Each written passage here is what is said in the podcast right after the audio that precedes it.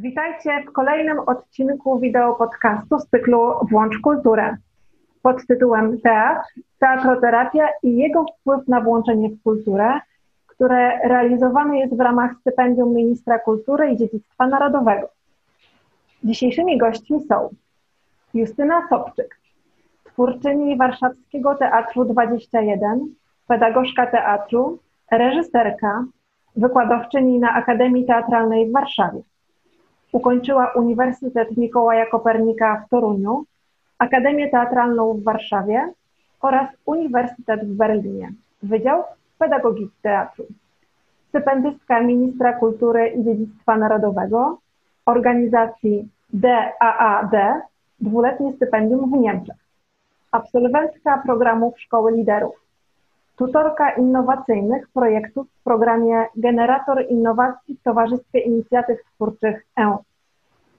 Od 15 lat związana z Instytutem Teatralnym imienia Zbigniewa Raszewskiego w Warszawie.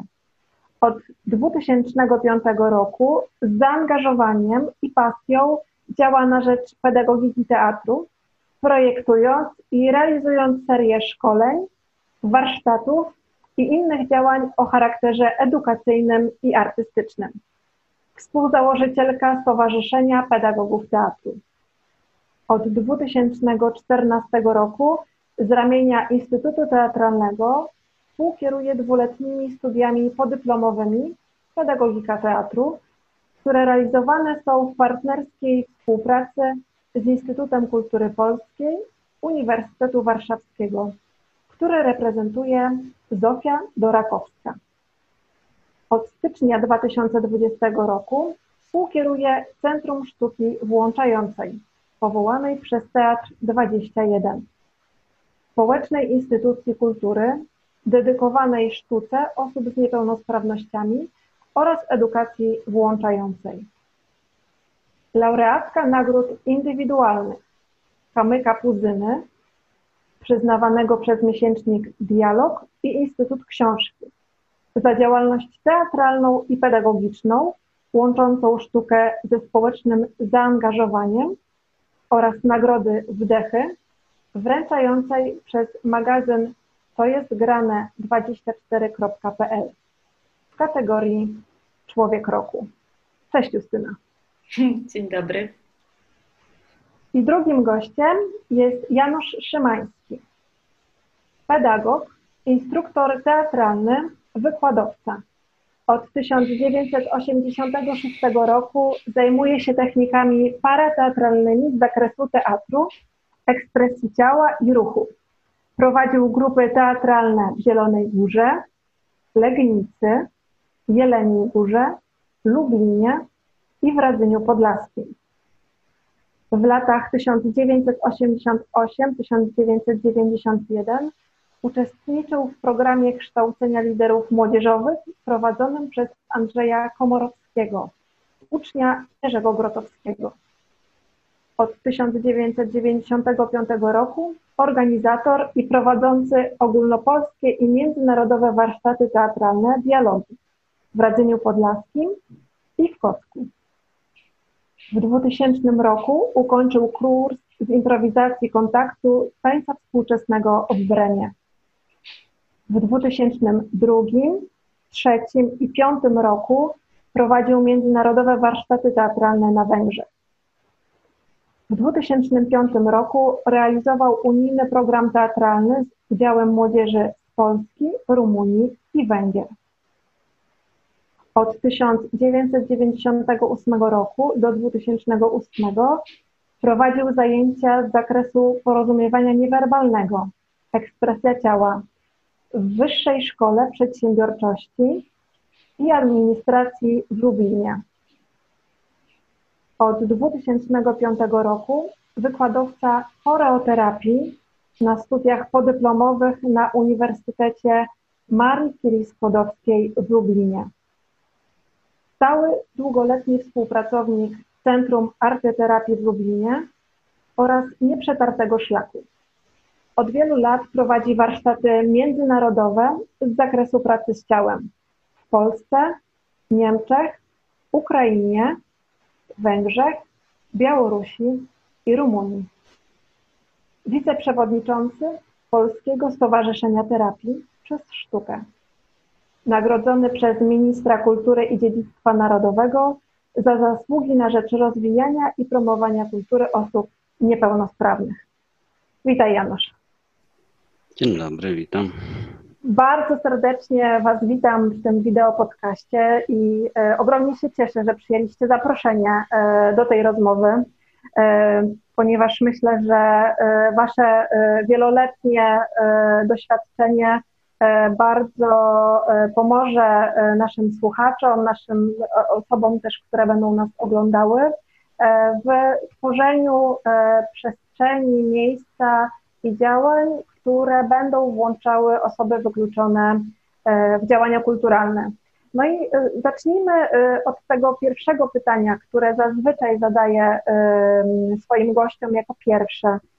Powiedzcie proszę, mm, jak wy rozumiecie słowo wykluczony? Kim dla was jest osoba wykluczona?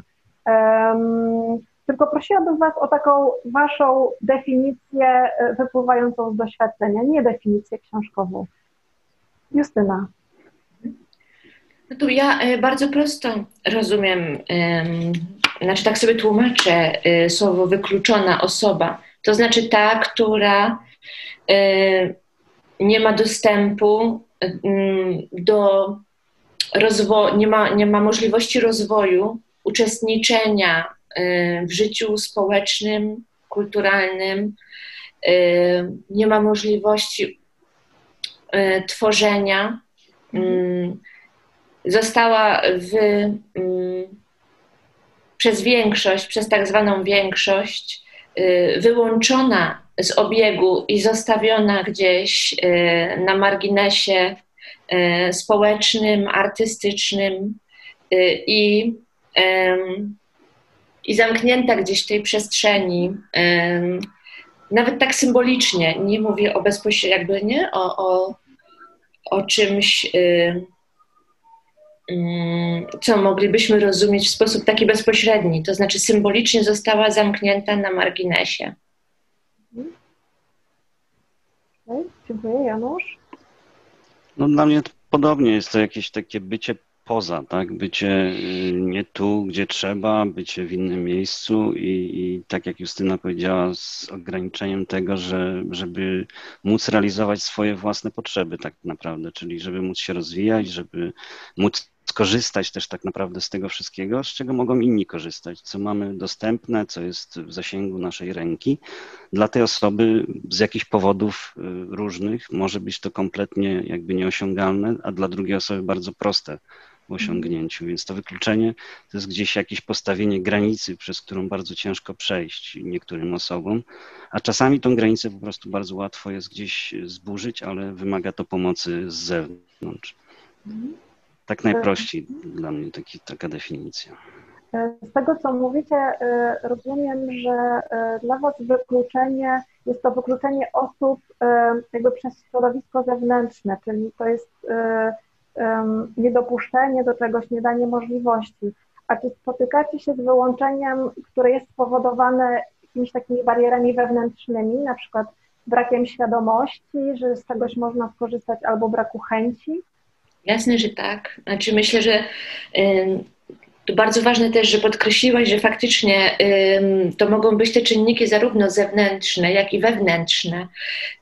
tak naprawdę na, te wewnętrzne, myślę, też pracuje to, co jest zewnętrzne, y, ponieważ w jakiś sposób wierzę, że każdy z nas y, rozwija się i wzrasta w konkretnym środowisku, które pozwala nam y, w miarę upływu czasu, dowiedzieć się, mm, dowiadywać się coraz więcej o sobie i to środowisko y, otwiera przede mną moje możliwości, ale też pozwala, że ja zaczynam pragnąć więcej i pragnę się rozwijać. I oczywiście y, myślę, że osoby, które, y, które mm, gdzieś same siebie mm, zamykają, jest to również wynikiem tego, że w jakimś etapie swojego życia, swojego rozwoju uwierzyły podmiotom zewnętrznym, że na, że na przykład do czegoś się nie nadają, że są stworzone na przykład do czegoś. Tutaj myślę przede wszystkim mm, na myśl przychodzą mi jakieś postaci kobiet, które są zamknięte w przestrzeniach y, domowych.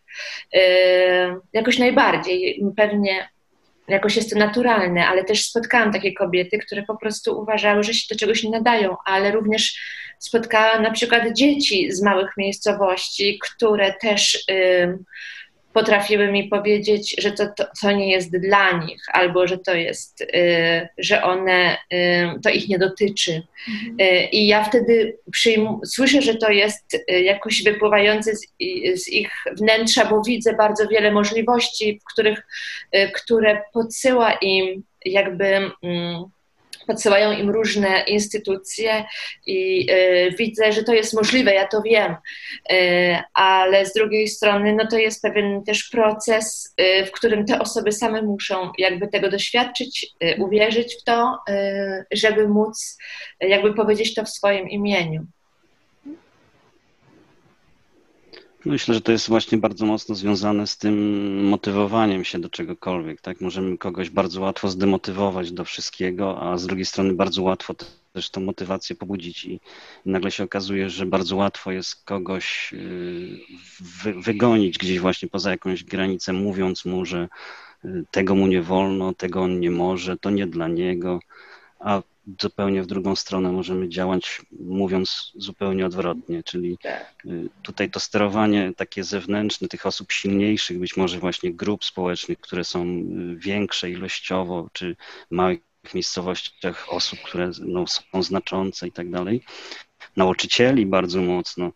Y, tutaj są bardzo ważne role i tutaj w ten sposób działając, no właśnie w pewien sposób regulujemy tą granicą wykluczenia takie mhm. dawniej słowo bardzo tutaj myślę, że potrzebne i do którego się gdzieś już nie odnosimy tak często jak kiedyś, to była profilaktyka. Czyli to profilakty, ta profilaktyka, która nagle poprzez na przykład teatr pozwala tym ludziom dobrze się komunikować z drugim człowiekiem. Mhm. Bo czasami ta warstwa komunikacji jest tym elementem, który, który powoduje to, że się źle rozumiemy z tym drugim człowiekiem. Ktoś inaczej potrzebuje się skomunikować, innych bodźców potrzebuje, innych słów, żeby ta motywacja zadziałała. Czyli rzeczywiście to wewnętrzny jakby element wykluczenia to jest ten element, z którym możemy pracować bardzo mocno i bardzo mocno właśnie też negatywnie i pozytywnie. No ja myślę, że, przepraszam, tak jeszcze bym chciała, bo to jest ciekawe, bo wydaje mi się, że faktycznie ta instytucja, jaką jest szkoła, ale też instytucja, jaką jest rodzina, y, myślę, że nie zdaje sobie sprawy, jak bardzo poza realizacją pewnego programu, czy też szkolnego, czy też wychowawczego, y, tak naprawdę nie zdaje sobie sprawy też z siły, jaką wdrukowuje nam nasze miejsce, czy też najpierw przypuśćmy w przestrzeni klasy wśród innych uczniów, bardzo szybko nas oceniając, y, bardzo szybko nas ustawiając, pozycjonując względem innych osób, y, czy też w rodzinie na przykład poprzez stosowanie y, jakby porównania względem na przykład, nie wiem, rodzeństwa, kuzynostwa, znaczy zawsze się znajdzie ktoś.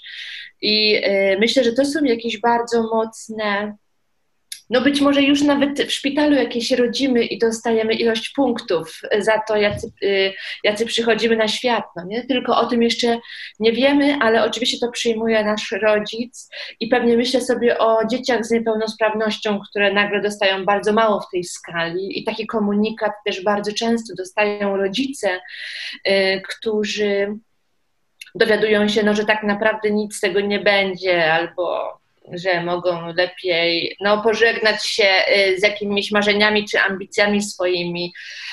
Y, no to myślę, że tutaj już się zaczyna ten proces, mm, który dotyczy właśnie tego młodego człowieka, nie? któremu przyszło żyć. I dalej jakby to jest y, oczywiście w coraz większej skali stosowane w przestrzeni danego kraju, jakby bardzo łatwo to możemy po prostu przenosić, tylko są inne e, narzędzia, ale jakby to zaczyna się od najmniejszej komórki, jaką jest rodzina i po prostu idzie coraz dalej. Mhm. Macie ogromne doświadczenie w pracy z osobami wykluczonymi w różnych częściach Europy. Współpracowaliście w Niemczech, w Rumunii, na Ukrainie, też w innych krajach. Czy to podejście do osób wykluczonych różni się od podejścia takiego, o którym my teraz mówimy, od tego podejścia w Polsce? Czy widzicie różnicę? Jak się mówi o tych osobach, jak się je traktuje, jakie jest podejście, chociażby do wyciągania ich albo do motywowania do, do działania, do podejmowania wyzwań, e, tych związanych, e, e, tych związanych z takim życiem społecznym, ale też kulturalnym. Jakie macie doświadczenia? Janusz, zaczniesz? Znaczy, myślę, że się to różni rzeczywiście w różnych krajach, też przede wszystkim ze względu na to, że te kraje są w różnej sytuacji ekonomicznej i, kwestia tego, jak się pracuje z osobami niepełnosprawnymi, czy, czy właśnie z różnymi upośledzeniami, no jest związana z tym, jakie są możliwości, jak, jak placówki mają możliwości w jaki sposób te różnice powodują to, że są, jest inna metodyka pracy, że, że też osoby pracujące z nimi są no, na innym etapie rozwoju. Mhm. Natomiast to, co jakby zawsze mnie fascynowało w podejściu wschodu, czyli gdzieś tam Rosji, Ukrainy, Białorusi do takiej pracy, to zaangażowanie tych osób, które, które jakby wykonują ten zawód pracy z tymi osobami. Y, mam wrażenie, że tam y, pomimo braku narzędzi, wiedzy, y, jakichś takich, wiecie, technicznych możliwości, to samym zaangażowaniem robi się zdecydowanie więcej. Jakby udział tych osób, które pracują, robią to z potężną pasją, bo, bo ten zawód jest strasznie trudny. Pracować na co dzień w szkole specjalnej czy w ośrodku dla niepełnosprawnych. Więc te osoby tam po pierwsze nie zarabiają tak jak w krajach europejskich, a po drugie, no, nie mają tych narzędzi, nie mają mhm. takich technik, które troszeczkę nas gdzieś tam pozwalają na łatwość tej pracy, na podejmowanie szybszych kroków, większych kroków. Natomiast no, można to nadrobić właśnie tym zaangażowaniem, tą chęcią pracy z tymi ludźmi. Mhm. I to się gdzieś tak dzieje. Natomiast no, każdy z tych krajów ma, ma swoją różnicę, swoją specyfikę. Ja teraz jestem, wiecie, w procesie bardzo długiej pracy. Byłem w Białorusi, zresztą przerwany projekt mam na Białorusi, który był roczny. E, I, I, bardzo jestem z Białorusią. Niech, się, niech tam się mhm. uda e, to wszystko, co trzeba, żeby byli rzeczywiście wolnym krajem. E, natomiast no właśnie tam ta praca gdzieś teraz bardzo mocno szła do przodu i, i byli na etapie takiego dużego kroku, moim zdaniem. Ale co się dzieje, to wiecie wszyscy. Mm -hmm to ja bym może, ja mam małe doświadczenie, jeżeli chodzi o te kraje, które ty wymieniłeś. E, faktycznie to, co się, mając możliwość studiowania w Berlinie e, i mając też praktyki w teatrach zawodowych, które zatrudniają osoby z niepełnosprawnościami, ja zauważyłam zmiany przede wszystkim w strefie takiej prywatnej aktorów. Aktorzy do teatru przychodzili mm, kończąc pracę na przykład w kawiarniach, y, mieszkali z sobą razem i byli w związkach y, jak również y, aktorki, z którymi ja wtedy jakby współpracowałam, mm, jakby nie wiem jak to nazywać, korzystały również z antykoncepcji. Y, I mówiły o tym po prostu bardzo otwarcie y, i mówiły o takiej, y, o swoich związkach również w takim aspekcie seksualnym, czego do tej pory jakby nie doświadczyłam pracując od 15 lat w Polsce.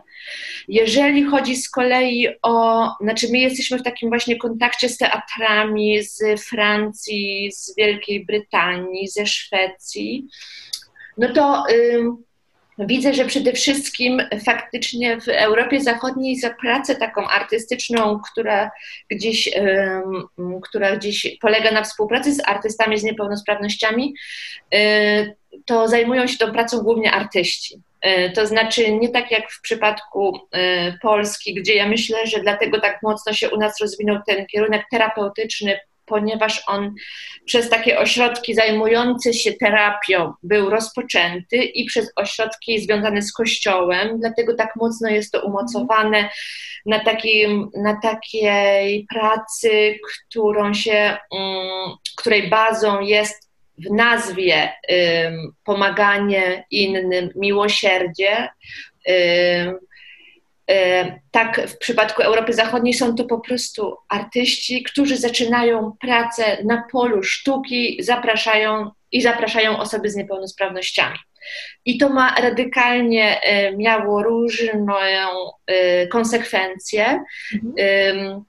Myślę, że my w Polsce dopiero teraz się wydobywamy z tego y, skojarzenia właśnie mocno terapeutycznego, które tak mocno przylega do osoby z niepełnosprawnością, czy, czy też osoby w ogóle wykluczonej, że zawsze w tym upatrujemy się pewnego aspektu, że my jakby pomagamy y, tym osobom się włączyć, co tak naprawdę można by powiedzieć, dosyć krytycznie przypatrując się temu czasownikowi włączania, że tak naprawdę społeczeństwo jest pewnym różnorodnym systemem, e, który na tej różnorodności w ogóle bazuje i jakby kto tutaj kogo włącza, skoro wszyscy do tego społeczeństwa przynależą, e, skoro mamy do czynienia z pewną po prostu e, koherentną zbiorowością, to znaczy mm, tutaj nikt tak naprawdę nie powinien być bardziej wy, to znaczy wszyscy stanowią to wy.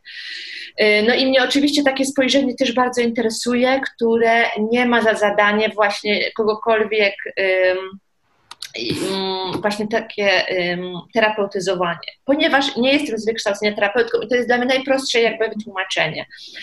E, ale y, bardzo ciekawym jest też wątkiem właśnie Wielka Brytania, gdzie tam prawa dla osób z niepełnosprawnościami zostają wywalczone w latach 70., 80. i teraz ci artyści po prostu są zatrudniani na równych prawach jak artyści bez niepełnosprawności. No i y, na rynku pracy oni są obecni, y, można oglądać ich zarówno w sztukach wizualnych, w performensie, mają swoje miejsce. A, mm, no i to jest jakby też ten nowe pole, które my jako Teatr 21 staramy się rozwijać, czyli tak zwane disability studies, czyli y, taka, takie nowe myślenie o niepełnosprawności, które właśnie mówi o tym, że jest ono konsekwencją wykluczania większości, yy, że nikt nie ma, yy, nie musiałby się usprawiedliwiać ze swojej niepełnosprawności, z tego, że nie słyszy, czy nie widzi, czy jest z innego kraju. Po prostu naszym zadaniem jako społeczeństwa jest takie wspólne bycie, w którym każdy ma prawo, jakby na równych prawach w nim uczestniczyć i tworzyć. Mhm. E, więc przyznam, że dla mnie e, jakby ten kierunek i to podejście e, no, jest dużo bardziej atrakcyjne od tego, do którego nawet studiując w Polsce zostałam przygotowana. Mhm. Słuchając Waszych e, ostatnich wypowiedzi, nasuwa mi się kolejne pytanie. E, jaka jest rola osoby, która chce pracować e, z osobami wykluczonymi, używając takiego narzędzia, jakim jest teatr? To ja może zacznę. Chciałabym odpowiedzieć tylko w swoim imieniu, bo nie chcę mówić komukolwiek, kto pracuje, jaka ta rola ma być. Dla mnie bardzo ważne jest to, żeby pracować na rzecz samodzielności e, artystów z niepełnosprawnością, E, chciałabym również ja jako artystka się rozwijać i być w zgodzie jakby z, e, samą sobą. E, I ja sama już po tych 15 latach swoich widzę, że mi się to też zmienia. Że na początku miałam pewne bardzo mocno zarysowane priorytety, na przykład, że każdy spektakl ma być osobistą wypowiedzią e, aktorów, e, ze względu na to, że tak mało słyszalny jest ich głos i tak mało widoczna jest ich obecność, żeby na przykład, no to, było, to były wiodące dla mnie e, czynniki, czyli spektakl, na przykład, to się bardzo jasno przekładało na formę teatralną, czyli nie ma żadnych makijaży, nie ma masek, nie ma przebierania, co swego czasu królowało na polskich scenach z niepełnosprawnymi. Disco polo, zabawa, y, jakby zniekształcanie, radykalne zniekształcanie obrazu y, osoby z niepełnosprawnością, ale teraz na przykład już wiem, że interesują mnie też inne aspekty. Mówię sobie, a dlaczego nie wziąć jakiegoś tekstu? Mieliśmy przygodę w bardzo krótką przygodę, ale 24-godzinną w Teatrze Starym w Krakowie, gdzie nasze aktorki czytały, rozczytywały Hamleta Szekspira. no i były zafascynowane. I nagle jedna z aktorek 21, która ma bardzo duży problem z taką wyraźną wymową, Cela Sobolewska, która się bardzo jąka, okazało się, że na tekście Szekspira zaczyna po prostu mówić płynnie. Nie było ani jednego zacięcia. Dziewczyny były tak przejęte w ogóle y, tym biegiem wydarzeń. Y, dzwoniły, bo my tam, no to była, to była akcja artystyczna, ale były naprawdę tak zainteresowane też y, mm, tym tekstem, że ja sobie zadałam pytanie, że y, dlaczego sobie zamknęłam te drzwi? To znaczy, że chcę je też otworzyć. Ja myślę, że ja teraz też coraz y, daję sobie większe przyzwolenie żeby, y, żeby nie zadowalać publiczności w jej oczekiwaniu, czy też y, żeby nie zadawalać rodziców na przykład y, artystów. To brzmi dziwnie, bo nigdy nie pytamy o opinię rodziców artystów, ale w przypadku osób z niepełnosprawnością to jest aspekt i to widzę i słyszę, że nie tylko w Teatrze Polskim, ale w ogóle w Europie, że ci rodzice są bardzo mocno gdzieś blisko przy tej granicy y, jakby życia artystycznego, którzy chcą decydować, wpływać, dowiadywać się, o czym to będzie. Y, I coraz mniej mam ochotę jakby mm, myśleć o tym, że teraz powinniśmy artystycznie to i to, bardziej mam ochotę stwarzać pewne sytuacje, które są no po prostu jakimiś granicznymi sytuacjami, które widzę, że aktorzy też na nie mają ochotę, yy, stwarzać w ogóle pewną przestrzeń wypowiedzi, która niekoniecznie ma kogokolwiek zadowalać.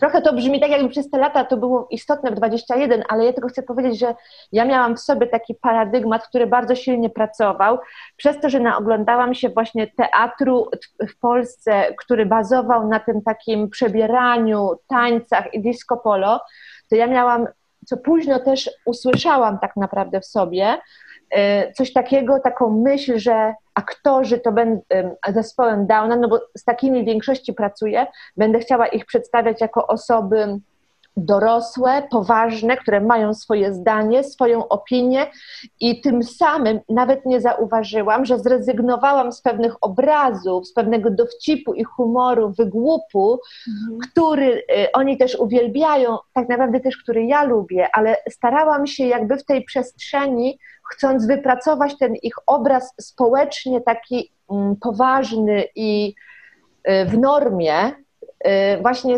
zobaczyłam gdzieś tam ostatnio, zastanawiając się nad swoją pracą, że no po prostu zatraciłam jedną um, um, um, pewną taki obszar, no nie, który chciałabym teraz po prostu otworzyć. Hmm. Znaczy myślę, że to jest właśnie bardzo indywidualne i w pewnym sensie, jak, jak Justyna tu opowiada, tak przypomniałem taki proces, jak gdzieś zaczynałem robić teatr w latach 80. jeszcze w Monarze za czasów Kotańskiego z taką bardzo patologiczną młodzieżą, I właśnie tak chciałem razem z nimi wykrzyczeć to, co oni chcą wykrzyczeć e, na cały świat i, i, żeby te spektakle były takie bardzo silne, mocne i żeby były tym powiedzeniem takiego, wiecie, takiego krzyku z wykrzyknikiem. Mhm. E, a ten proces gdzieś się tam bardzo mocno potem właśnie zmieniał i szedł w, jednak w proces twórczy tych ludzi i gdzieś w tej skali w tej chwili pracując no, no dalej jakby w tej skali ruchowej przede wszystkim widzę więcej być może, bo y, jest to forma komunikacji, która wiecie, no słowem bardzo łatwo jest coś powiedzieć nieprawdziwego, ruchem jest dużo trudniej to zrobić y, i, i w ten sposób tych ludzi czasami obserwując poszukuje, co im trzeba gdzieś tam podpowiedzieć, czasem coś uruchomić, czasem coś dodać, nie wiem, muzykę odpowiednią odpalić i nagle jest to, co jest, no powiedziała, że nagle, nie wiem, ktoś, kto nie potrafił się ruszać, potrafi tańczyć, tak? I, i gdzieś się otwiera jakaś furtka, jakaś brama takiego procesu twórczego, w którym on sam gdzieś pozwalał uwolnić umysł i, i ciało i, i to, to sobie gdzieś tam, i te chwile są najładniejsze, najpiękniejsze, to są rzeczy nie do powtórzenia, takich y, rzeczy z prób czy spotkań warsztatowych się nie da w postaci spektaklu potem odtworzyć, bo to, jest, to są rzeczy, których się, wiecie, do odtworzenia są prawie niemożliwe. Natomiast fajnie jest iść w ten proces twórczy i rzeczywiście gdzieś e, szukać tej sztuki tak naprawdę i tego, żeby oni tworzyli kulturę, bo mhm. tworzą tą kulturę, bo są artyści. To wszyscy, którzy występują na scenie, są artystami, mają coś do powiedzenia, mają coś do przekazania, chcą pokazać siebie, swoje, swoje problemy, ale też wypowiedź na jakiś temat, bardzo często o sobie też coś powiedzieć wzajemnie.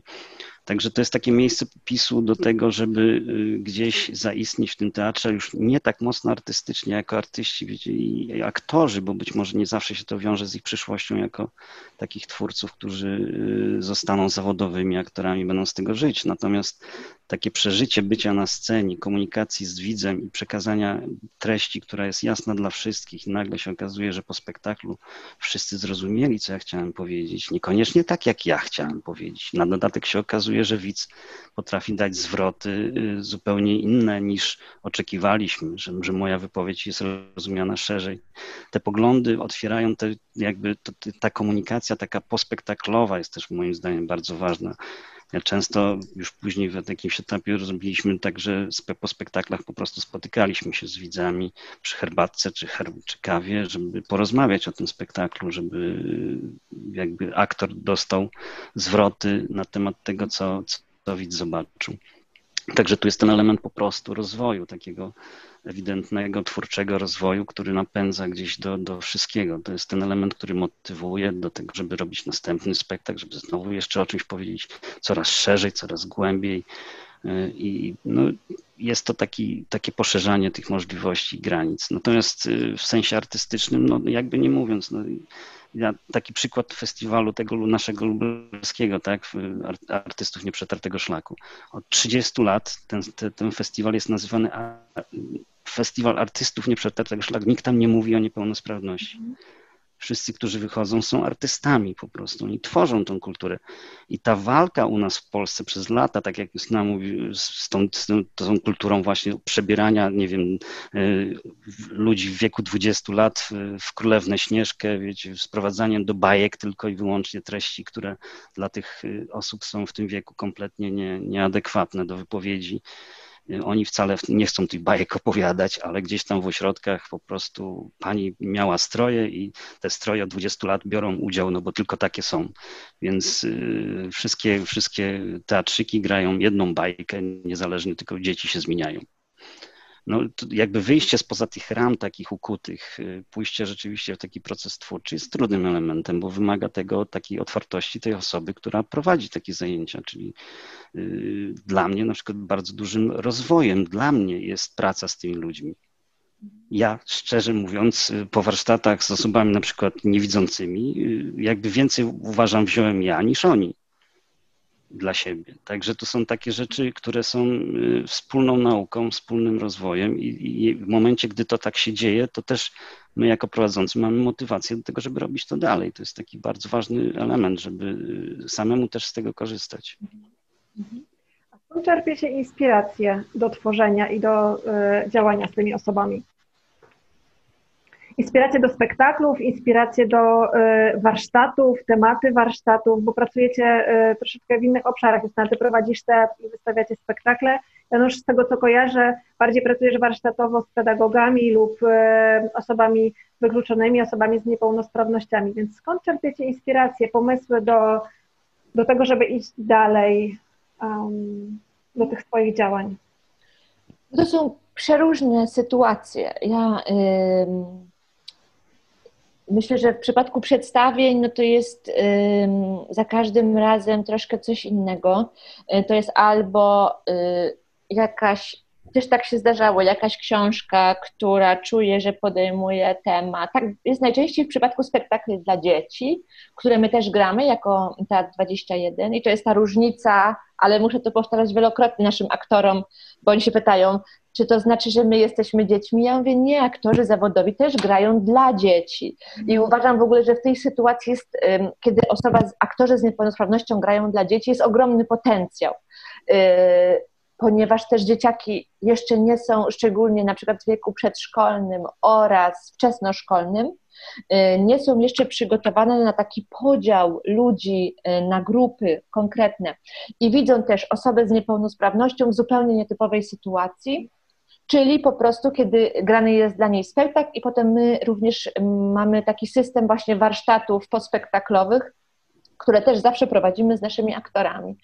Ale też są też sytuacje po prostu z życia y, społeczno-politycznego, jak nasz spektakl Rewolucja, której nie było, która była odpowiedzią na protest osób z niepełnosprawnościami i ich opiekunów w Sejmie. Po prostu wiedzieliśmy, że nie możemy takiej sytuacji pominąć milczeniem, ale to są też, to jest taka, myślę, czujna obserwacja y, y, życia i y, życia naszych aktorów, bo też nasi widzowie bardzo często wiedzą, że mm, nagle pojawił się spektakl Clowni, czyli o rodzinie, który był odpowiedzią na to, że część aktorów zaczęła mieszkać w domach treningowych. Mhm. I oczywiście my zaczynamy te, o tym temacie mówić szerzej.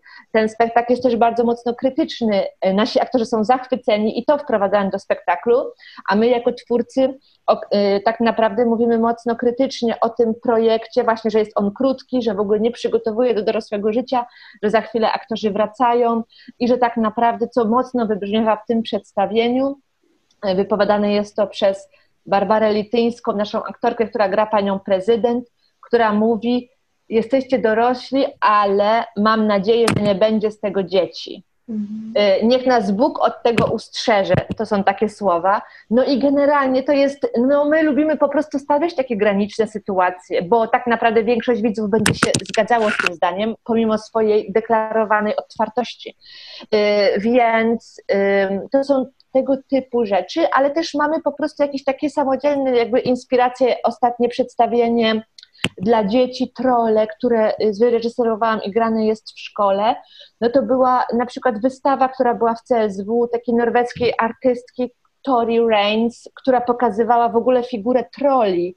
Y, i to po prostu poszło potem systemem skojarzeń do tego, że ja te trole w ogóle jakkolwiek chcę zrobić i że tak naprawdę dla mnie trollowanie systemu edukacji to jest jakby wprowadzenie powietrza, zabawy, empatii, spotkania.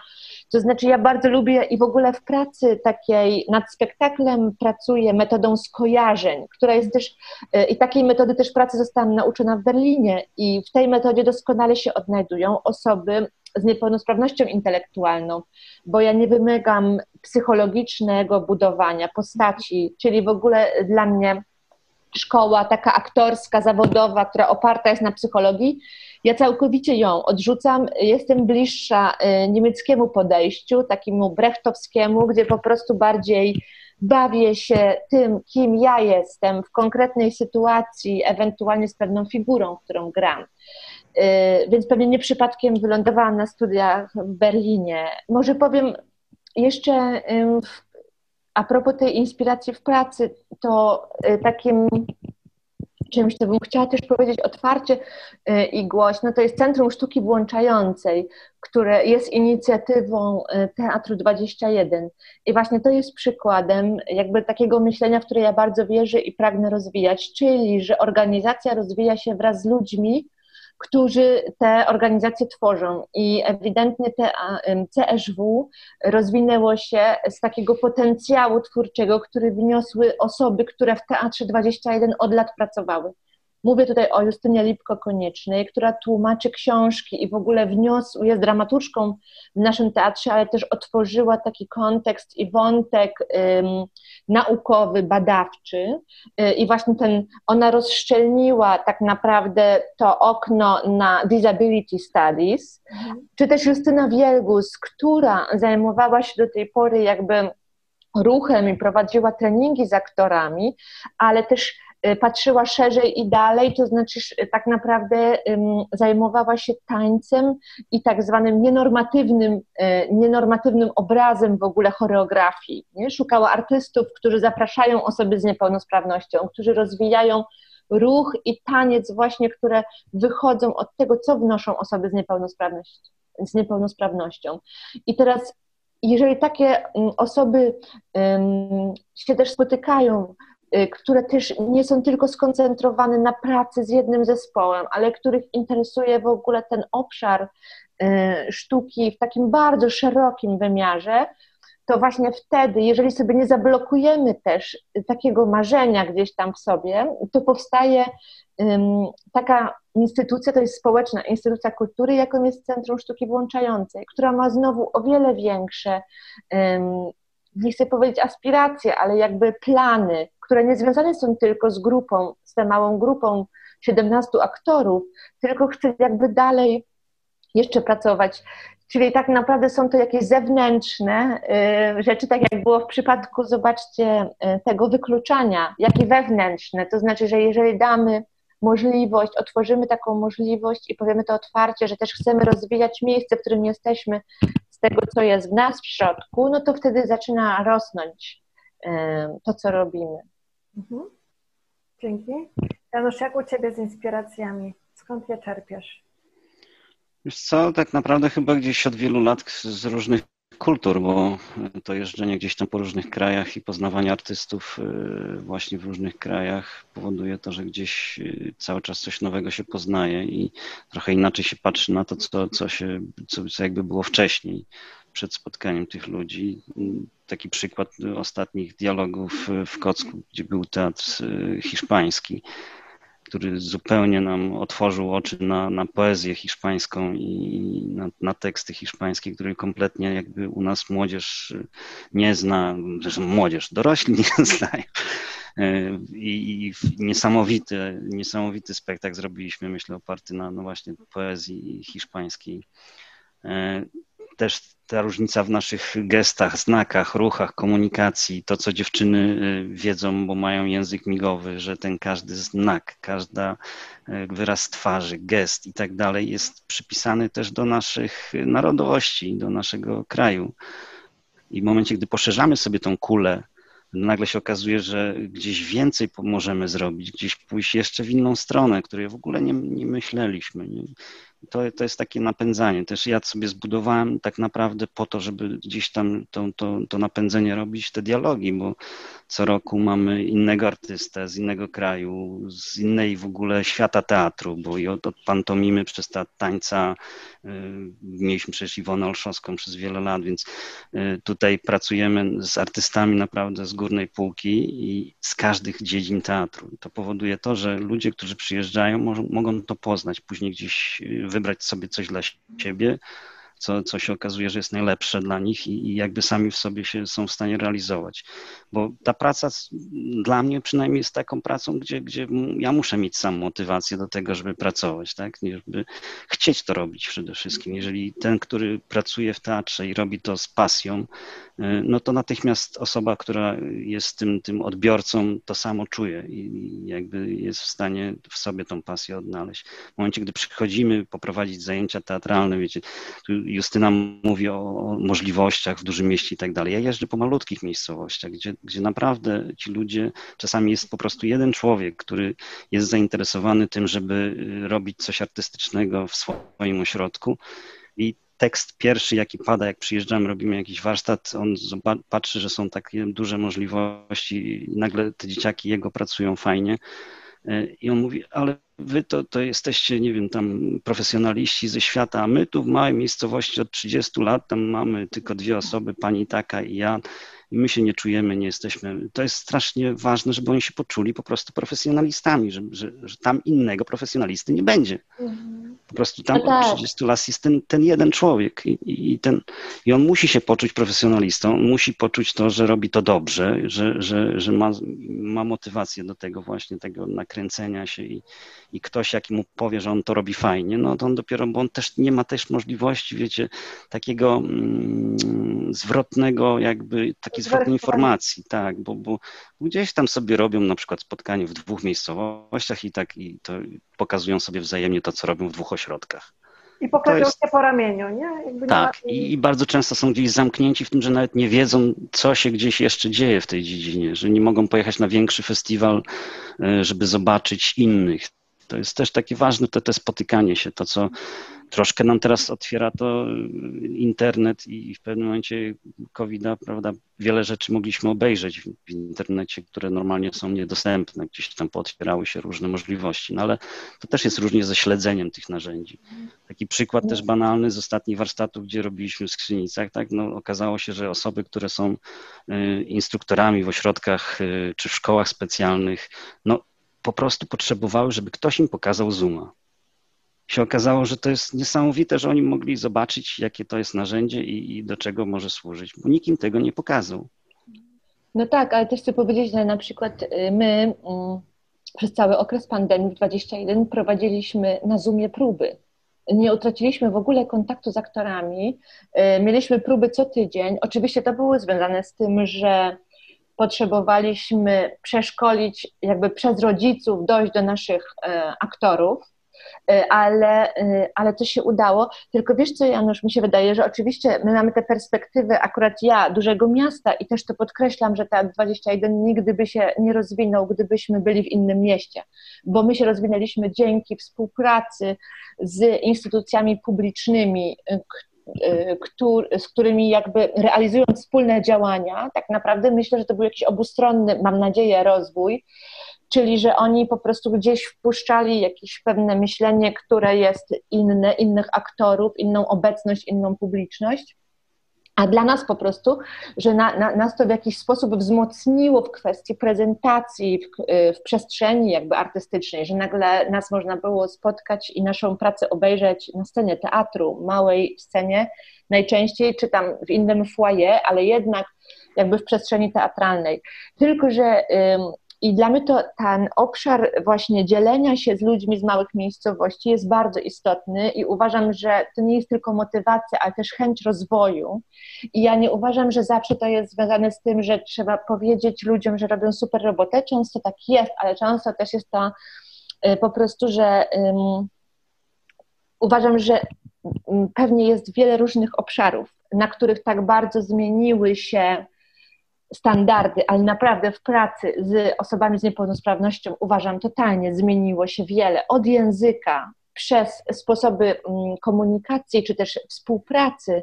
I często te osoby, to znaczy, jeżeli one same w sobie też się nie otworzą i nie będą szukały takich okoliczności do poszerzania, do spotykania się, do zweryfikowania swojej praktyki y, dotychczasowej, czy literatury, na bazie której się gdzieś tam właśnie pracowali, to ta praca y, po prostu ona zostanie gdzieś tam po prostu w tyle. To znaczy dla mnie to jest coś takiego, że właśnie, właśnie dla mnie to jest to, że na ile ja siebie sam wyłączę też, a wykluczę siebie z rozwoju, to znaczy, że my dla mnie na przykład, jako osoby, która ukończyła studia pedagogiki specjalnej, która tak zwanej oligofrenopedagogiki, co znaczy z łaciny mały mózg, ja, te, ja mówię wszemi wobec, że nie, w ogóle nie zgadzam się już nawet z tytułem, jest mi wstyd pokazać tytuł dyplomu, który otrzymałam.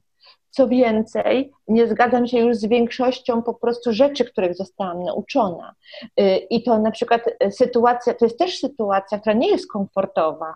Jakby ja też jakby cały czas y, daję, wyprowadzam się na jakieś nowe pola właśnie po to, żeby być w kontakcie i się też uczyć i bardzo i dla mnie właśnie takimi osobami, które gdzieś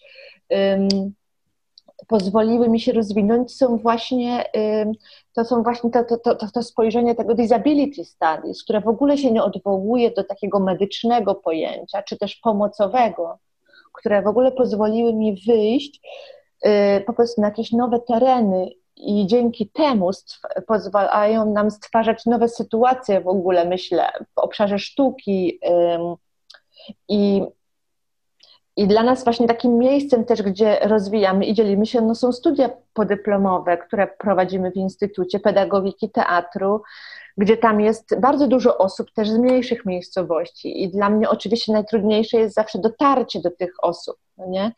czy też przekonanie, dodanie im takiej motywacji, żeby to one uzyskały na przykład finansowanie ze swoich instytucji, w których pracują, bo mają prawo do rozwoju, bo jeżeli, bo to nie jest tylko czasami kwestia też właśnie, no w ogóle na pewno ty też nie mówisz o tej kwestii właśnie poklepania po ramieniu, wow, robisz super takiego towarzystwa, wiecie, wzajemnego gdzieś tam wspierania się, tylko taki, tylko dla mnie właśnie ten rozwój jest y, po prostu odbywa się też w konkretnych miejscach, w spotkaniu z ludźmi, którzy też odczuwają tę potrzebę, dochodzą do ściany w jakimś momencie swojej pracy, czy mają kryzys. Nagle spotykają się ludzie, którzy są na różnych etapach, niektórzy, którzy wchodzą, mają energię wynikającą z tego, że są młodzi i dopiero wchodzą, a niektórzy, którzy mają to doświadczenie i w ogóle mają doświadczenie, którym mogą się dzielić i mają też pewne krytyczne spojrzenie i no ja bym chciała jakby też y, uruchamiać tego typu sytuacje po prostu, y, takiego wzajemnego rozwoju i uczenia się. E, poruszyliście wątek e, taki bardzo mocno tych zmian, które nastąpiły e, na przestrzeni iluś tam lat. Nie wiem też o jakim okresie mówicie. Czy moglibyście kilku punktach po prostu takie najważniejsze zmiany, które wy widzicie w podejściu do osób wykluczonych, tutaj akurat u osób z niepełnosprawnościami, ale też w pracy z nimi? Nie wiem, kto ma zacząć. Kto jest gotowy? Ja jestem. Mogę? Janusz? Możesz, możesz, możesz. E, no to przede wszystkim to jest to, że nie mówimy osoba z niepełnosprawnością. Znaczy to jest w ogóle jakieś, że słowo upośledzenie już w ogóle wylatuje ze słownika. Że Albo inwalida. Proszę? Albo inwalida. No, to jest następne. Kaleka, inwalida, niepełnosprawny. E, że też uważam właśnie, że w tym języku bardzo dużo się też wydarzyło, no nie to z niepełnosprawnością, że nie mówi się już osoba cierpiąca na zespół Downa, ponieważ jak to nasi aktorzy mówią, my nie cierpimy z tego powodu, jesteśmy tam, lubimy się śmiać i w ogóle oni nie używają tego.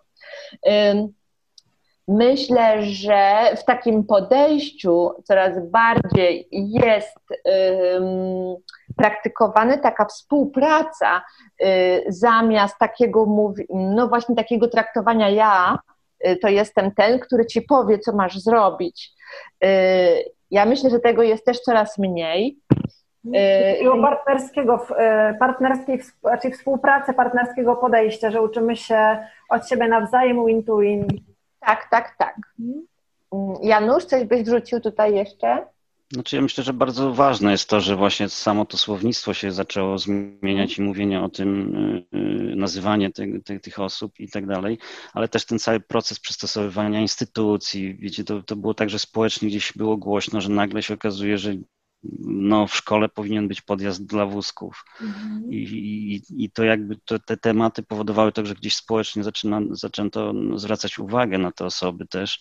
Mhm. A z drugiej strony no, dzia, dzieje się też tak różnie, bo bardzo często na przykład y, gdzieś w małej miejscowości jest dom kultury przystosowany dla osób niepełnosprawnych, łazienki wybudowane, wiecie, z, z projektów unijnych, a pytam się, jakie zajęcia są możliwe. Dla na przykład przychodzi dziecko na wózku i co możemy zaproponować zaproponować mu w tym domu kultury. No okazuje się, że no, niestety podziękują takiemu dziecku, bo, bo, bo nie ma grupy, gdzie mogą go przyjąć jakby to jest dla mnie też takie bardzo bolesne, że wiecie, gdzieś w takim aspekcie budowlanym czy, czy przystosowaniowym, y, czy takim sprzętowym gdzieś coś zostało zrobione, a potem się okazuje, że to jest w ogóle niewykorzystywane, bo, bo były pieniądze, bo, bo był projekt i można było to zrobić.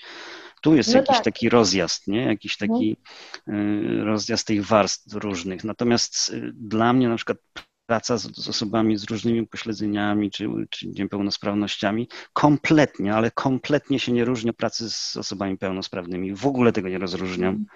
Ani w procesie budowania warsztatu, ani jakby to, to jest tylko kwestia dostosowania się w momencie, gdy już coś się dzieje i czasem coś trzeba zrobić wolniej, coś szybciej, coś inaczej. Y, natomiast y, w ogóle jakby w głowie nie mam czegoś takiego, że jadę do ludzi, y, którzy są jakoś tam niepełnosprawni. Ja mam po prostu z nimi popracować. I, i, I to oni się kompletnie naprawdę, uwierzcie mi, nie różnią, bo jak weźmiemy grupę 20 nastolatków w, w wieku, nie wiem, 16 lat i powiemy im, żeby stanęli na głowie, no to się okaże, że tylko jeden potrafi stanąć. No to pozostali są niepełnosprawni. Mhm. Bo tylko ten jeden potrafi to zrobić, albo odwrotnie, tak? Jeden nie będzie potrafił. No, wiecie, to, to, to nazywanie tego też, zobaczcie, że pewne procesy y, pewnych y, jakby urazów, niepełnosprawności się też wytwarzają z czasem, że nagle osoby, które y, gdzieś tam dziwnie się zachowywały, sam, sam proces autyzmu, jak u nas się zmienił, prawda, osób autystycznych, które, które mogą już być w szkołach normalnych i mają do tego na przykład drugiego nauczyciela, który potrafi ten proces nadzorować no, troszkę się tu bardzo mocno jakby na, na plus zmieniło. Natomiast no, jeszcze jest problem cały czas moim zdaniem taki w traktowaniu społecznym tych osób, że w momencie, gdy y, jest osoba niepełnosprawna, to, to jednak inaczej ją traktujemy niż osobę, która jest obok, normalna, pełnosprawna. Wydaje nam się, że jest pełnosprawna. Tak? No tak, ja bym też dodała, że mamy tutaj jeszcze sporo roboty do wykonania. Zdecydowanie. Jakby, że jakby w takich miękkim, przede wszystkim e, miękkich zmianach, czyli właśnie w myśleniu o że to jest najtrudniejsze e, do zmiany, że te wszystkie też bardzo doceniam wszystkie takie zmiany architektoniczne, które się pojawiają, ale przyznam, że też jako Teatr 21 prowadziliśmy szkolenie dla Narodowego Centrum Kultury, w której uczestniczyły osoby z różnych instytucji kultury w Polsce. No to przyznam, że dużo osób jakby oczekuje takiej instrukcji obsługi osoby z niepełnosprawnością y, i bardzo się denerwują, jeżeli zapraszamy ich do jakiejś głębszej refleksji, czy też pokazujemy, mm, no troszeczkę jakby y, wchodzimy nie takimi drzwiami, którymi one by się spodziewały, to znaczy dając właśnie narzędzia, bo mówią, to przychodzi grupa tam 15 osób z niepełnosprawnością intelektualną y, do naszego muzeum, no i jak my teraz mamy sobie z nimi poradzić? A mamy tylko 45 minut, e, bo nikt u nas tych lekcji nie chce, no to zaczynamy mówić, no nie na 45 minut, no to że, że zaczyna ta osoba z niepełnosprawnością, która wkracza nawet jako uczestnik pewnych mm, warsztatów, spotkań, no wymaga zmiany od y, ja uważam, że wymaga zmiany od instytucji na poziomie chociażby języka, ponieważ często prowadzone przez nas warsztaty są mówione językiem y, my sami skomplikowanym, branżowym, tak zwanym. Sami wiemy, jak lubimy sobie tym językiem stwarzać po prostu takie tereny, w których zwykły widz się zgubi mhm. e, i zostaną na końcu tylko ci, którzy udają na przykład, że są w temacie. No budujemy trochę taką ściemę, więc oczywiście musimy uprościć język, ale też sama instytucja, jakby e, właśnie, że to otwarcie nie polega tylko na tym, że my no, możemy zaprosić takie osoby i widzimy je w grupie, tylko faktycznie, że zaczynamy szukać innych sposobów, y, na przykład utrzymania, myślę, uwagi czy koncentracji, czy rezygnacji z dużej ilości tekstu na rzecz na przykład działania. No nie? To są pewne zmiany, które zostały już przez instytucje kultury bardzo fajnie, uważam, wprowadzane w kwestii myślenia y, o wprowadzeniu dzieci na przykład. Bo ja do momentu, przyznam, że do tego czasu pandemii, byłam przekonana, że osoby z niepełnosprawnością są największą mniejszością w naszym kraju, a spotkałam się z badaczką, antropolożką, która uważa, że największą mniejszością w naszym kraju są dzieci, których głos nie jest poważnie traktowany, które nie mają prawa często, do, znaczy dostępu, wyrażania opinii i tak. No i to było bardzo ciekawe, ale tutaj widać, że że nie wystarczy tylko dzieci wpuścić, prawda? Bo oczywiście będziemy mieli dobre samopoczucie, że mamy dzieci w galerii, ale jakby one jeszcze nic jakby z tego nie wezmą. Że potrzeba jest zaprojektowania pewnych sytuacji, które na przykład przy ich ADHD i ruszaniu się albo to wykorzystają i będzie to bazą i wiemy, jak bardzo ciekawe wystawy, tutaj bym wspomniała na przykład Zachętę, która właśnie uwzględniając dziecko jako e, takiego bardzo ważnego, pełnoprawnego uczestnika wydarzeń, może być inspirujące dla zaprojektowania wystawy. Tuż przed pandemią była taka właśnie wystawa, która łączyła artystów z ich dziećmi I wytwarzane zostały, znaczy ta wystawa była zaproszeniem jakby dzieci i widzów dorosłych do takiego uczestnictwa i zmieniała już charakter. Znaczy, dzieciaki wprowadziły to, że bardzo wiele miejsc było już takich zapraszających do działania, do wejścia y, w coś. Nie? I y, Zachęta też ma bardzo fajny program, który na przykład przetwarza pewne sytuacje takiego wejścia w na przykład wystawę, które uwzględniają osobę niewidomą. To znaczy, Jednym z takich sposobów jest na przykład przetwarzanie jakichś artefaktów, jakichś obiektów y, na, y, na zrobionych z innego, y, z innego tworzywa, że uwzględniam to, że to nie jest to dzieło, ale mogę je dotknąć, tak? Jest ono wykonane na przykład z materiału o innej fakturze i na przykład w to są też zapraszani studenci ASP i właśnie dzięki takiej sytuacji, wiecie, takiego kreatywnego gdzieś przetwarzania, jakby wszyscy się rozwijamy, no nie? Bo i ci studenci, myślę, będą inaczej już myśleli o sztuce, i sama galeria jakby też. Y, więc ja uważam, że te sytuacje nie są jednakowe, że, y, że one wymagają poza taką decyzją, takie otwarcie oczywiście jest podstawowe, no nie? Chcemy w ogóle, żeby w naszej szkole, żeby w naszej instytucji, żeby w naszym, no nie wiem, w różnych miejscach, urzędzie były osoby z niepełnosprawnością, ale to jest pierwszy punkt, bardzo ważny, zasadniczy, ale potem myślę, jest to myślenie, jak to zrobić, mhm. żeby po prostu te osoby realnie były i też skorzystały jakby z tej sytuacji. I chciały wrócić. Tak. I chciały tak. wrócić. I tak naturalnie przechodzimy do y, ostatniego pytania, y, które y, tutaj mam przygotowane dla Was. E, w związku z tym, że e, mam nadzieję, że będą nas oglądać animatorzy kultury, osoby, które chcą włączać osoby z niepełnosprawnością lub osoby ogólnie wykluczone w działania kulturalne. E, jakie macie sprawdzone sposoby na pracę z osobami z niepełnosprawnością czy z osobami wykluczonymi? Jakieś takie kilka dosłownie, e, trzy, cztery takie wskazówki, takie sprawdzone rzeczy, które Wam się sprawdzają i powodują to, że e, ludzie do Was chcą wracać i chcą działać z Wami. Ja mam zacząć. E, znaczy myślę, że najważniejszy to jest ten kontakt, tak? czyli taki, taka bezpośredniość. Nie, nie wyobrażam sobie y, pracy z, z nikim tak naprawdę, gdzie, gdzie ten, jakby nie mam bezpośredniego kontaktu, nie, nie, nie zapoznam się najpierw z tą osobą, e, czyli wszystkie elementy przy, przygotowawcze, takie rozgrzewkowe. mnie to akurat w procesie ruchowym bardzo fajnie działa, bo są różnego rodzaju zabawy, integracyjne elementy, gdzie się poznajemy na początku, później gdzieś zaczynamy dopiero pracować z czymś poważniejszym. Czasami w ogóle kończy się proces warsztatowy na zabawie. I, i ta forma zabawy, jakiej, takiego elementu, który i dla dorosłych, i dla dzieci bardzo dobrze się sprawdza. Natomiast no, oczywiście są takie y, sprawdzone sztuczki, że tak powiem, które działają y, na określone grupy w określonym wieku czy w określone upośledzenia na, na, na bazie doświadczeń gdzieś tam zebranych. Natomiast takim banalnym, prostym, fajnym y, zabawą covidową, która powstała na jednym z warsztatów moich, to była taka prosta zabawa ze sznurkiem, gdzie y, dzieci z różnymi niepełnosprawnościami po prostu dostały zadanie, że muszą być na odległość sznurka. Więc tak dostały półtora metrowe sznurki i zadanie polegało na tym, żeby ten sznurek y, był cały czas naciągnięty. Można było biegać, skakać, fruwać, wszystko co się chce, tylko żeby sznurek był sztywny jak kij. Mhm.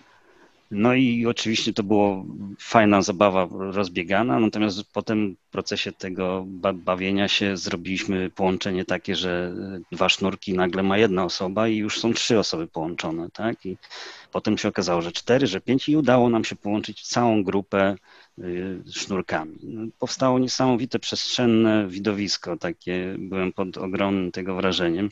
Także zobaczcie, że z takiej prostej czasami pomysłu, banalnego, poszukiwanie pomysłu na zabawę, poszukiwanie pomysłu na y, jakieś ćwiczenie, które sami wymyślimy, nie, nie, nie musimy mieć jakiegoś mechanizmu, takiego przygotowanego. Zresztą mhm. bardzo często jest tak, że tak jak Justyna mówi, to nie jest tak, że, że jak podchodząc do warsztatów y, nie przygotowuje się, że mhm. pracuje z określoną niepełnosprawnością. Nie, absolutnie nie. Oczywiście wiem, co można z takimi osobami zrobić i jak, i natomiast traktuję ich na równi i tak samo im wyznaczam granice. To nie znaczy, że mam ich nie spocić, że mam ich nie zmęczyć, że, że, że, że mam, nie wiem, ostrożnie się z nimi jakoś specjalnie obchodzić.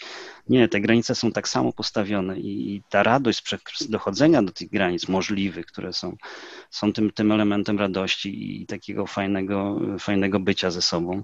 Natomiast te, te, te jakby wymyślanie sytuacyjne czasami zabaw, tak jak z tym sznurkiem powiedziałem, takiego banalnego ćwiczenia, y, okazało się, że to jest bardzo ciekawa rzecz. Można z tego i przestrzennie zrobić sytuację i też zadaniowo, bo, bo, bo po prostu nagle okazało się, że z dwóch osób mamy całą grupę. Ten proces się bardzo mocno, fajnie, szybko rozbudowuje. E, także poszukiwanie tego tu i teraz, takiego pomysłu na zabawę, podglądanie też w co idzie, co działa. E, często się przygotowujemy, gdzieś układamy sobie ćwiczenia, nagle się okazuje, że jedno nie działa, drugie nie działa, trzecie nie działa i trzeba całkowicie to gdzieś zmienić, bo, bo grupa akurat w tej chwili, w tym momencie ma się inaczej po prostu. Mhm gdybyśmy ten, ten warsztat czy spotkanie robili jutro czy, czy dzień wcześniej, okazałoby się, że nam się to by sprawdziło. Więc taka, myślę, że taka elastyczność, takie, taka umiejętność obserwacji tego, co, w, co, w co jakby w jakim procesie e, nam coś pójdzie, zadziała i, i taka umiejętność, no to się wiąże oczywiście z tym, żebyśmy mieli taki zasób możliwości, tak? czyli pomysłów, e, ileś tam e, możliwości ćwiczeń i tak dalej, żeby gdzieś tam w głowie takim zasobem dysponować. Czyli ale z drugiej strony też nie bać się wymyślać samemu tego, co y, chcemy zrobić i widzimy, że jest to zgodne z naszym procesem, z naszym gdzieś tam działaniem na, na do przodu, to, to tworzyć, tworzyć tak samo, tworzyć metodykę pracy, sposoby, ćwiczenia, żeby to było nasze własne, prywatne, a z drugiej strony też nie bać się tym dzielić. Mhm. To ja bym chciała, tak sobie notowałam trochę, słuchając też y, Janusza. Y, ja myślę, że bardzo ważne dla osób, które y, pracują właśnie w takich obszarach, są animatorami, instruktorami, pedagogami, artystami, którzy chcą pracować właśnie na, na, na, na spotkaniu osób wykluczonych i, y, i osób, które przychodzą, chcą się włączyć jakby w daną sytuację, zasadnicze uważam jest postawienie sobie celu, który nie jest tylko celem artystycznym. Dla mnie to było, to jest trochę taka, y, to jest kotwica. Ja myślę o tym celu jako o kotwicy, to znaczy, że robiąc kolejne przedstawienie, moim celem nie jest tylko zrobienie na przykład przedstawienia. Ja sobie sama stwarzam taką mapę, dlaczego to jest dla mnie ważne.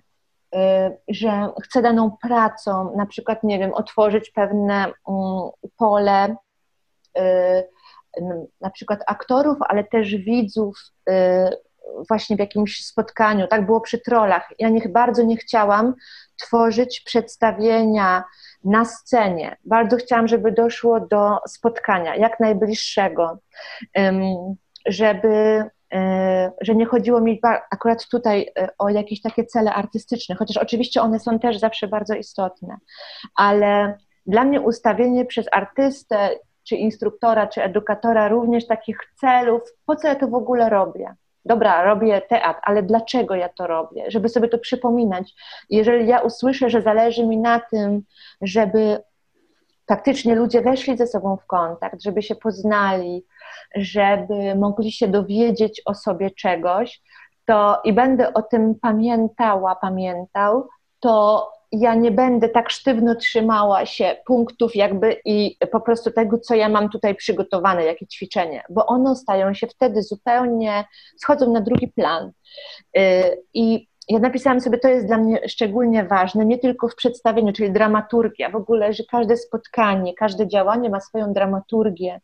To znaczy, że to nie jest właśnie, ja lubię sobie o tym przypominać, że pedagog, instruktor, animator nie ma po prostu worka y, z zabawami, które wysypuje i właśnie w ten sposób myśli o animacji, tylko ja myślę sobie o tym spotkaniu, to znaczy bardzo widzę i wiem, że to jest trudna sytuacja.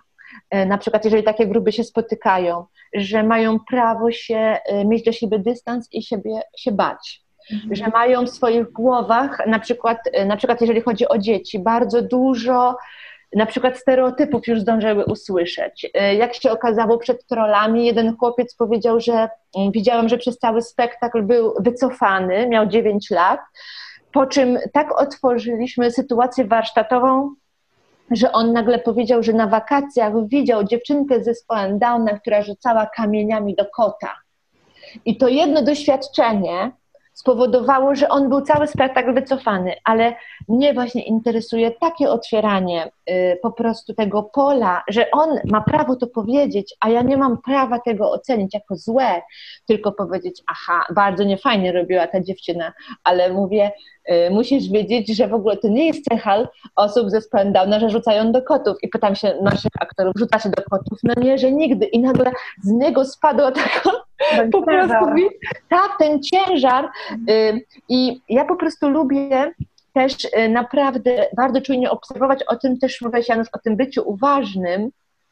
I to bym w ogóle polecała w rozwijaniu ludziom, którzy zajmują się y, właśnie taką pracą, bo tu nie chodzi o właśnie o pewien efekt artystyczny, którym ma się skończyć nasze spotkanie, bo to jest ściema, i uważam, że teatr i obszar sztuki jest mistrzem w tym oczywiście i też pragniemy czasami, żeby nas ktoś po prostu wyprowadził na tereny, których codzienności jakby nie mamy, nie mamy dostępu.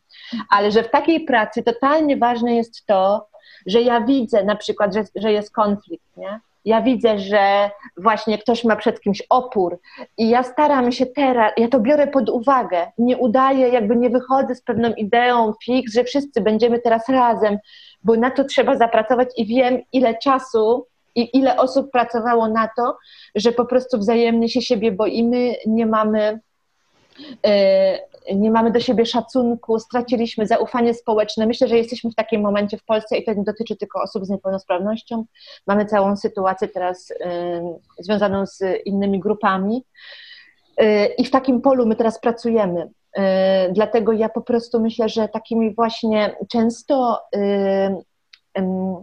umiejętnościami, które powinniśmy w sobie rozwijać jako pracujący, jest na przykład uważność to jest y, też bycie właśnie w kontakcie i w relacji, w ogóle komunikacja. Ja jestem zafascynowana językiem komunikacji bez przemocy, bo wiem, ile w języku się dzieje, czyli jak używać języka, żeby nie prowokować konfliktu, czyli nie oceniać kogoś.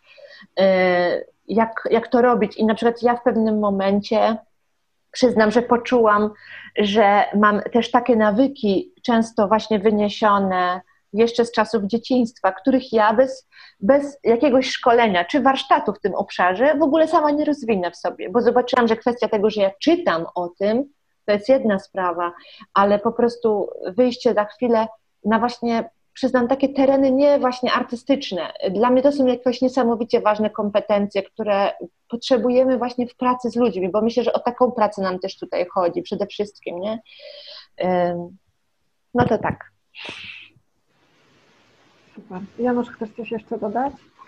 Nie, myślę, że, że Justyna fajnie znaczy, ta, ta empatia, ta, ta tak jakby chęć pracowania z drugim człowiekiem i otwartość na tego drugiego człowieka, tak naprawdę posłuchanie go, obejrzenie go, y, no, poznawanie, to jest to, to, co pozwala potem z nim pracować, bo w momencie, gdy go wysłuchamy, no to on czuje się wysłuchany. Tak? Taka, taka mhm. prosta zasada. My potrzebujemy komunikacji, potrzebujemy bycia zrozumianym, wysłuchanym, y, uważności. Y, I, i, I, dzięki temu nabieramy my ważności, jak wiemy, że ktoś nas słucha i mhm. szanuje. Ja myślę, jeszcze bym tak dodała, że jakoś y, to muszą być też ludzie, którzy mają taką mm, może naiwnie uprawiane pole Y, nadziei, że można pewne rzeczy wypracować, nie? bo często widzę, że właśnie w obszarze sztuki, w spektaklach jest bardzo ostro coś nazywane, jakby y, wyciągana jest ta strefa cienia, prawda? To są te spektakle mocne, krytyczne, które po prostu y, pokazują człowieka na jego po prostu w jakimś takich najgorszych odsłonach. Nie? Ja też taki teatr bardzo mnie on interesuje i mnie dotyka, ale myślę, że ta praca jeszcze, o której mówimy, ona ma w sobie, um, uruchamia właśnie takie pokłady nadziei y, że można z czymś pracować, znaczy, że jest szansa cały czas, pomimo takich antagonizmów i tak trudnej sytuacji w ogóle w Polsce, w Europie i na świecie, wypracowania pewnych zmian.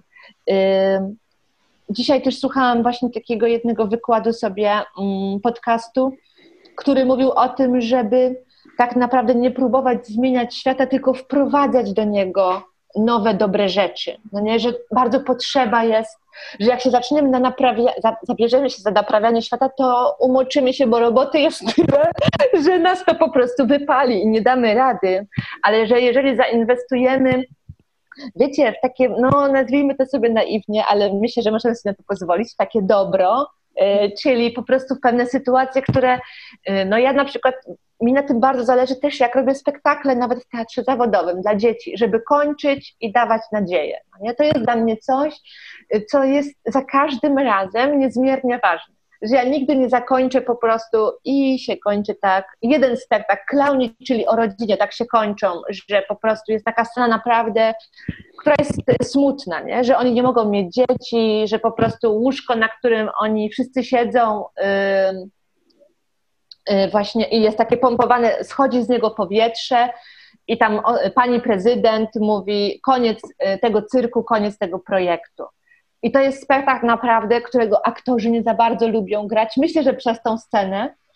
On jest bardzo gorzki. Ja też, no, y, czułam, że tam nie ma co po prostu, znaczy, że tak chcę, żeby on się skończył, ale jakoś na nowo sobie teraz to gdzieś tam przywołuję, że bardzo potrzeba jest też dawania ludziom takich właśnie działań, które cię wzmocnią, no nie? które dzieciakom, młodzieży na przykład też dadzą taki impuls do tego, że że może być ok, że znaczy, że jesteśmy obok siebie i służymy sobie jakimś wsparciem. No? I to jest trochę tak, dla mnie dużą inspiracją jest towarzyszenie mojej córce, która ma 15 lat i właśnie e, ona, która się budzi i już krótko po przebudzeniu trudno zobaczyć jest sens w tym dniu.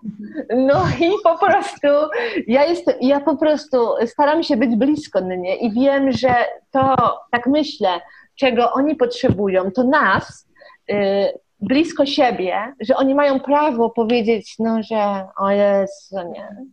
Ale my tam proponujemy śniadanie, za chwilę zabieramy ich pomimo tych jęków do teatru, czy gdzieś idziemy się spotkać, że my w tym, właśnie też ta różnorodność nasza jest potrzebna w tej kondycji. Ja myślę, że po prostu ludzie, którzy się tym zajmują, bardzo powinni dbać o siebie. To jest jedna z rzeczy, która ja zauważyłam, że to, żeby naprawdę tak zadbać y, o to, żeby no na różnych poziomach, najbardziej podstawowych, nie? Y, żeby się czuć dobrze z sobą, jakby mm, na, po, na poziomie jakby takim fizycznym, miłosnym, zawodowym, znaczy dbać o to, nie zostawiać siebie w tyle, bo, bo potem zaczyna się trochę taka fałszowana sytuacja, no nie? gdzie ja sobie pracuję na rzecz innych, a sam nagle zostawiłem siebie w jakimś obszarze po prostu takiego właśnie wykluczenia, nie? że zapomniałem gdzieś o sobie, a włączam po prostu innych. I myślę sobie, że bardzo łatwo, przepraszam, że Ci już wchodzę słowo, ale tak mi się ładnie domyka to, o czym e, mówiliśmy na początku, że wtedy, kiedy my nie jesteśmy poukładani, bardzo łatwo nam wchodzić w te wątki pomocowe i takie współczucia i takiego e, pomocnictwa żeby uzyskać dla siebie tą gratyfikację, że ktoś mnie docenił, że pomogłam, pomogłem. Tak mi się to y, bardzo połączyło. Z tym. Tak. Na podsumowanie jeszcze dodam takie zdanie, że ja się takiego zdania właśnie takie mam wytyczne teatralne, jak już buduję spektakl, to i z tego, co mam mówiłem kiedyś historycznie, y, bardzo chciałem szokować teatrem i, i takie dawać mocne wypowiedzi, to potem się nauczyłem tego, żeby mówić, jak chcesz szokować, to szokuj pięknem. Mhm. I, i, I proszę bardzo, wtedy jak najbardziej. Bardzo Wam e, dziękuję za dzisiejszą mega inspirującą rozmowę. Powiem szczerze, że mogłabym z Wami jeszcze godzinę lub dwie porozmawiać, bo myślę, że dużo jest w tym e, temacie do, do rozmowy i do zrobienia. E, I mam nadzieję, że, że to się będzie działo. Więc bardzo Wam dziękuję za to spotkanie i za tą rozmowę. A całość nagrania tłumaczyły dla Państwa na polski język migowy Marta Jaroń i Karolina Bosian. Bardzo dziękujemy za zaproszenie. Dziękujemy bardzo.